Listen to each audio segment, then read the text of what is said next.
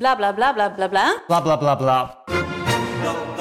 Idealen zijn prachtig, maar woorden verliezen betekenis als je niks doet. Dus laten we met z'n allen wat minder praten en meer doen. Bij Agmea zijn wij vast begonnen. Zo gaan wij voor minder verkeersslachtoffers, gezonde werknemers en duurzame woningen. Waar ga jij voor? Kijk op www.werkenbijagmea.nl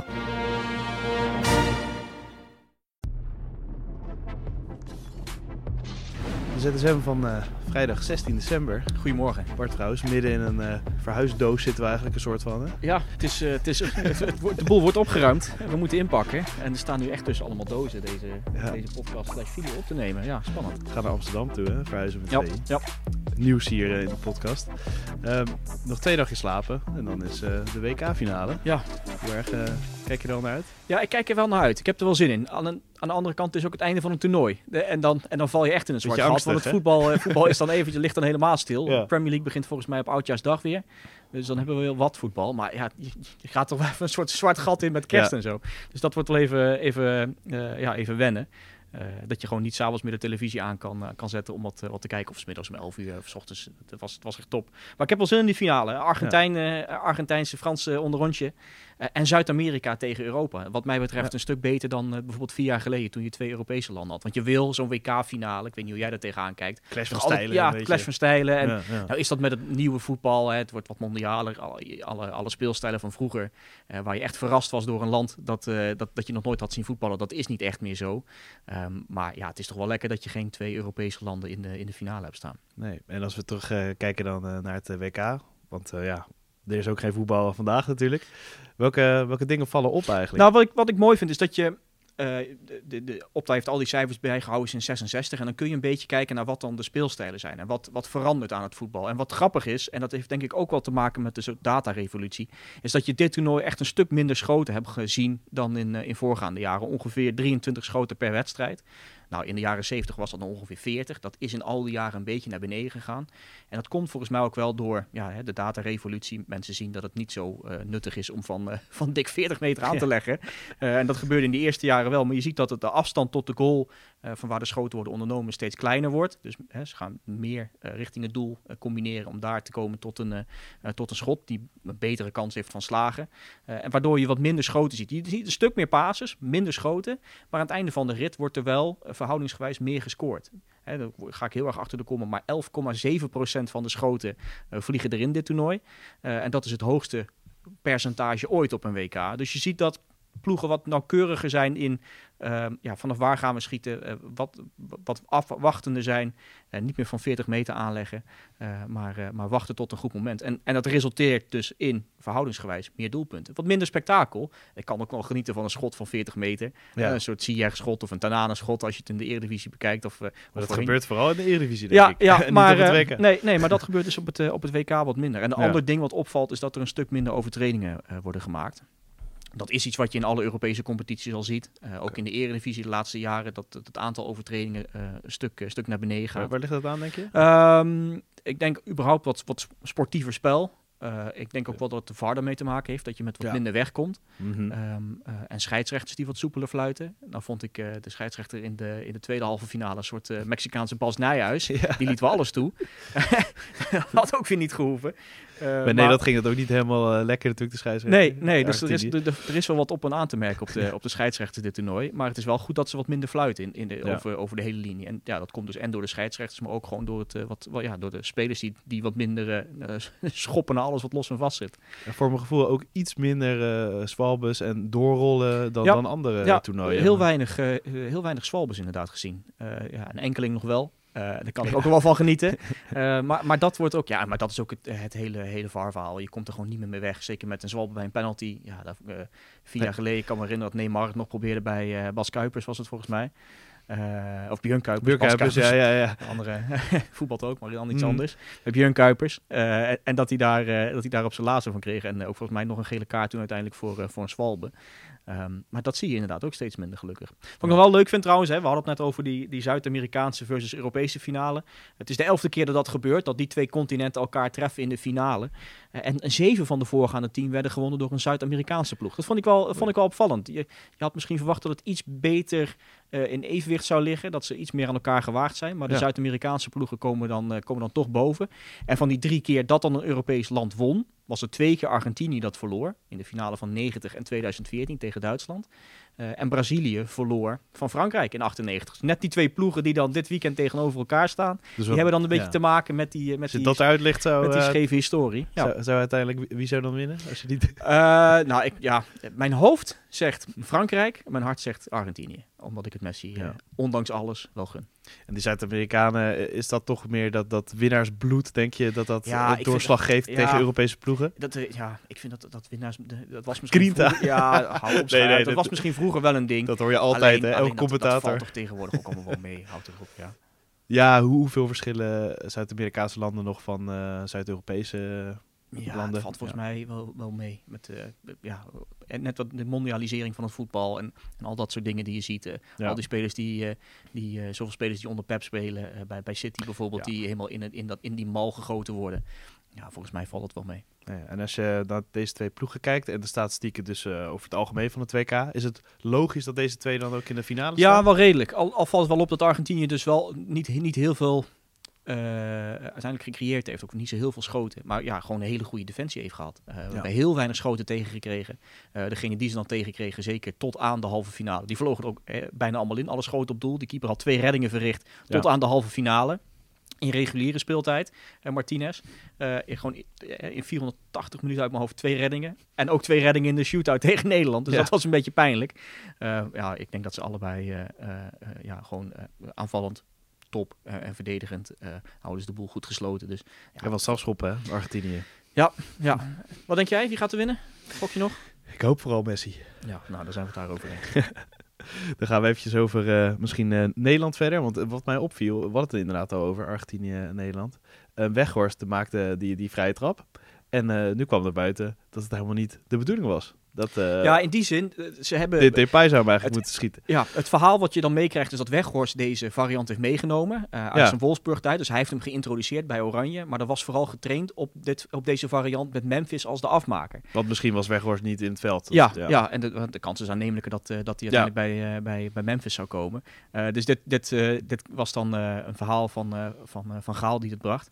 Ik vind het, ik vind het eigenlijk jammer dat dit soort dingen nu al een beetje, een beetje uitlekken. Ja, dan Want over ik- vijf jaar pas Nou ja, andere ik- tijden sport. dus ik, ik heb ook heel Ja. veel zin in een heel goed boek.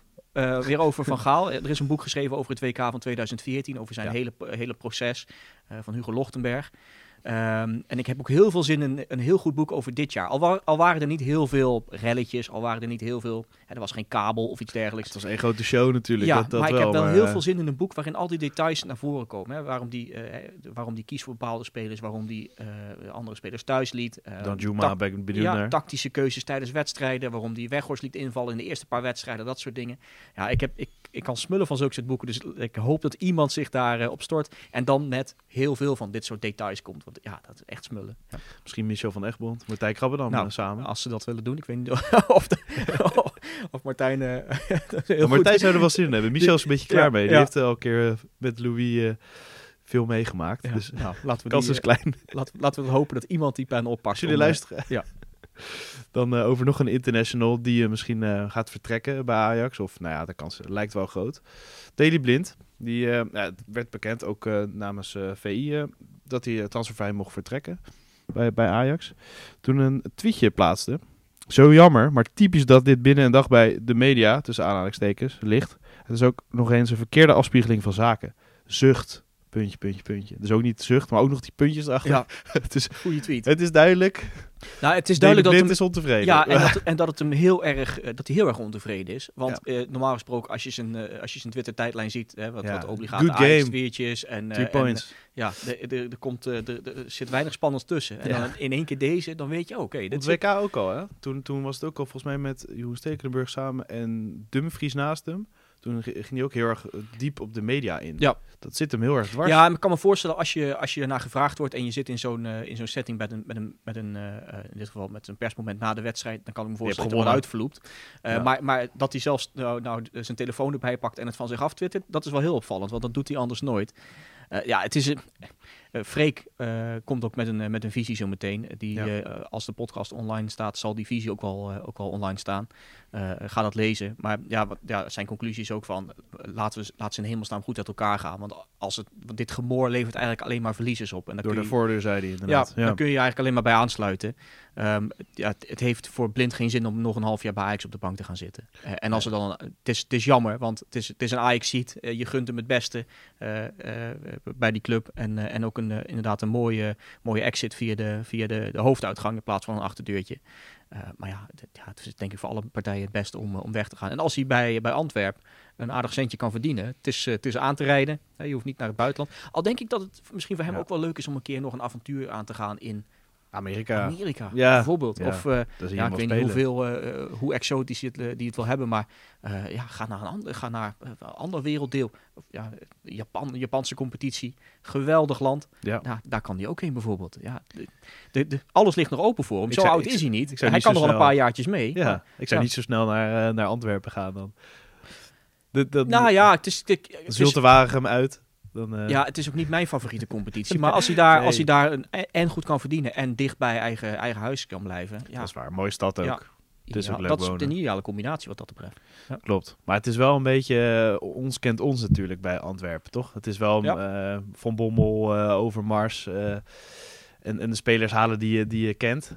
D- ja, het is niet een uitdagende omgeving, lijkt me. Want- Nee, maar je moet je afvragen of je dat op die leeftijd nog wil. Nee, net Ja. zoals hij is niet heel oud, maar eh, hij kan daar nog, eh, nog een aantal jaren belangrijk zijn. Ja. Maar ja, benieuwd waar hij voor kiest. En, eh, en laten we hopen dat hij inderdaad via de voordeur vertrekt. En ja, dat gerommel, dat is altijd een beetje treurig. Ja, Ja. ja, en waar denk je dat hij op doelt? Want uh, tussen de, de, media, Ja, zeg maar. goeie vraag. Welke, het, het zijn toch de media? Of, ja, ja maar, maar het, is wel, het is wel typisch dat, dat eh, inderdaad wat, wat hij ook uh, twittert, dat het binnen een dag uh, op straat ligt. De, de Ja. gesprekken die hij gehad heeft. Mhm. Dat is knap werk van de media. We moeten, hè, Dat is ook wel de voetballerij. Ja, Ik denk dat alles uitlekt tegenwoordig. dat Ja. klopt. Maar ja, wie dan specifiek bedoelt, ja, maakt dat uit. Ja. Nee. Ja. Sportief gezien wel, eh, wel, wel goed van Ajax. Dat ze misschien afscheid van hem nemen, denk je, of niet?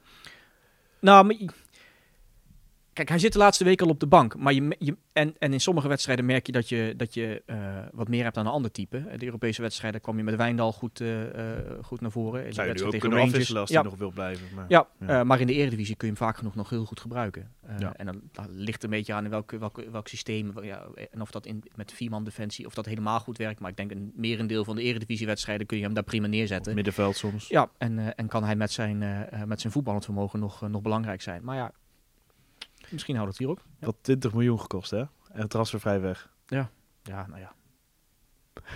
Als je zoveel geld hebt, maakt het niet uit. Ja. lach, lach gewoon in, ja. de, in deze ja, wereld. Nou, als het niet gaat, dan, dan gaat het niet. En dan kun je beter afscheid nemen. Dat is waar. Meest gelezen op uh, Pro was een, uh, een nieuwe groei, groeibriljant voor uh, Real Madrid. Endrick. Hoe spreek je hem af? Endrick? Ik heb eigenlijk geen idee. Nee. Ik, zou, ik, zeg, ik zou op zijn plat Hollands Endrick, Endrick zeggen. Ja. Want we gaan het pas in 2024 zien. Dit is een constructie die uh, wel bijzonder is. Hè? 2024 zou hij dan overkomen. Ja. Als hij dan 18 is. Maar eerst gaat hij nog wat wedstrijden spelen. Um, en 60 miljoen al betalen. Ja, ik vind het wel een goede constructie, omdat die jongen 16 is. Uh, en als Ja. je hem nu al weghaalt uit zijn, uh, uit, zijn, uh, uit, zijn, uit zijn omgeving met vrienden, familie en dat soort dingen, dan uh, ja, je, je vraagt je af of dat helpt. Ik, aan de ene kant kun je er wat voor zeggen van, uh, stal hem bij Real Madrid, dan kan hij trainen met leeftijdsgenoten en, en daar Castilla beter worden. spelen. En, Ja, bijvoorbeeld. Maar, maar er valt ook heel wat voor te zeggen om in zijn eigen land te laten, daar, op te, daar nog even nog, nog verder op te, op te groeien met, in een veilige omgeving. En dan op zijn achttiende, wat ook nog absurd jong is, ja. uh, naar, uh, naar Europa te halen. Het is mooi dat je bij dit soort, dit soort jongens, uh, er zijn heerlijke clipjes van te maken op YouTube.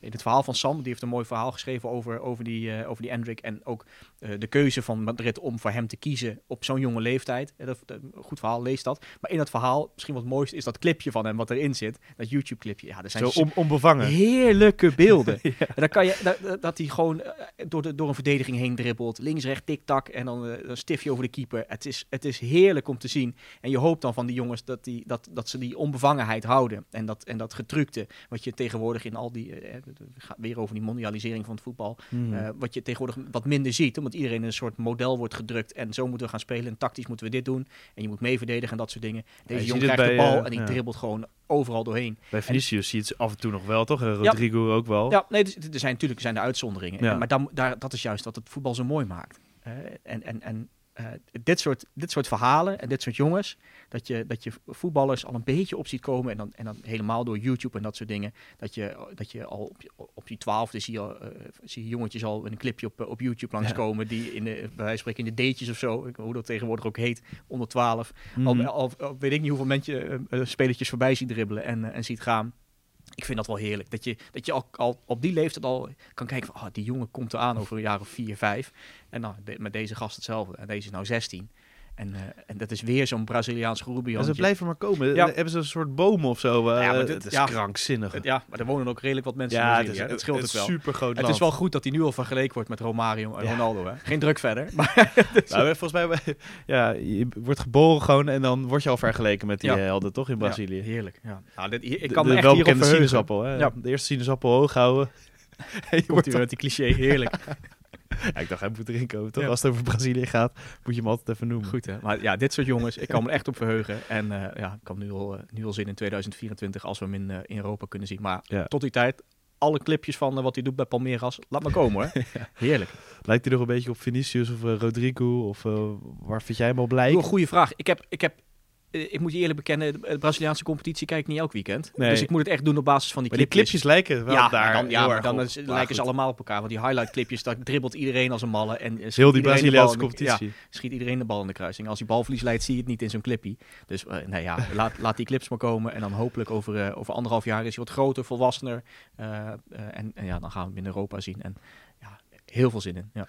Voor je eigen geluk zou je eigenlijk gewoon naar de Bra- Braziliaanse competitie moeten gaan kijken. Of, eh, Ik heb geen idee of dat heel leuk is eigenlijk. misschien valt het heel erg tegen, Ja, hè? dat je dan We denkt... zien alleen oh, de goede mo- momenten, denk ja, ik. dus als, eh, als iemand de, de, de, de, highlights, of de samenvattingsrechten kan hebben, en dan, Ja. wat mij betreft ook alleen maar de mooie goals, ik hoef niet hele wedstrijden te zien, dan, eh, dan teken ik ervoor. Misschien, ja, misschien denkt ze in het buitenland hetzelfde over van al die spelers die hier vandaan komen. Snijder, eh Robben, Rafael van der Vaart.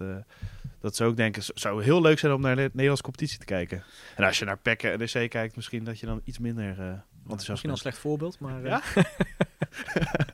Ja? Waarom?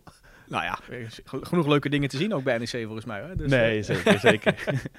nee, jij wordt altijd heel enthousiast van de Eredivisie, toch? Ja, zeker, zeker. Ik kan er graag naar kijken. Eh, eh, nog, nog meer zelfs dan, eh, dan de meeste Europese competities. Mhm. Maar dat is een heel ander verhaal. We moeten er even wachten. Drie weekjes, hè? Drie weekjes ongeveer, dan, dan gaan we weer. Daar heb ik wel echt heel erg veel zin in. Ja, en gelijk een wereldprogramma in de eerste paar weken in de Eredivisie. dat Met zo? de toppers. Klein tipje van de sluier. Eh, nou ja, alle toppers zitten. Er zitten een aantal toppers in die eerste, eerste paar Klopt. weken. En wat hoor ik nou? Dat, dat echt een, het, een heel groot deel van wat er nog gespeeld moet worden, wordt al gelijk in januari afgewerkt van de competitie. Dus het wordt Door de weekse speelronde. eh, overvol, bomvol programma. Eh, we moeten even door die kerst heen. Maar als januari dan begint, kunnen we echt gaan genieten in de Eredivisie. Dan zijn we echt los.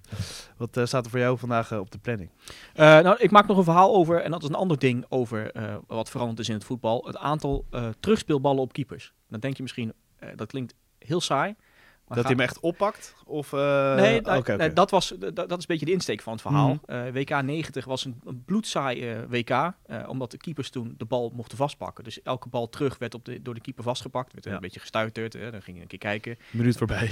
Nou, letterlijk minuten voorbij. Het is een, ik, ik heb wedstrijden teruggekeken, nou, je, je, je Die- valt bijna in slaap. Die En- regel was er ook niet, hè? Zes seconden? nee, maar het ging toen vooral dat je toen die, die regel nog had, dat je de bal vast mocht pakken. Ja. Dat, dat is daarna afgeschaft en eh, dat heeft keepers eh, bloed, zweet en tranen gekost. En heel veel doelpunten tegen, omdat je dan eh, de, ja, de, de keepers in de fout zag gaan. De meest kolderieke momenten.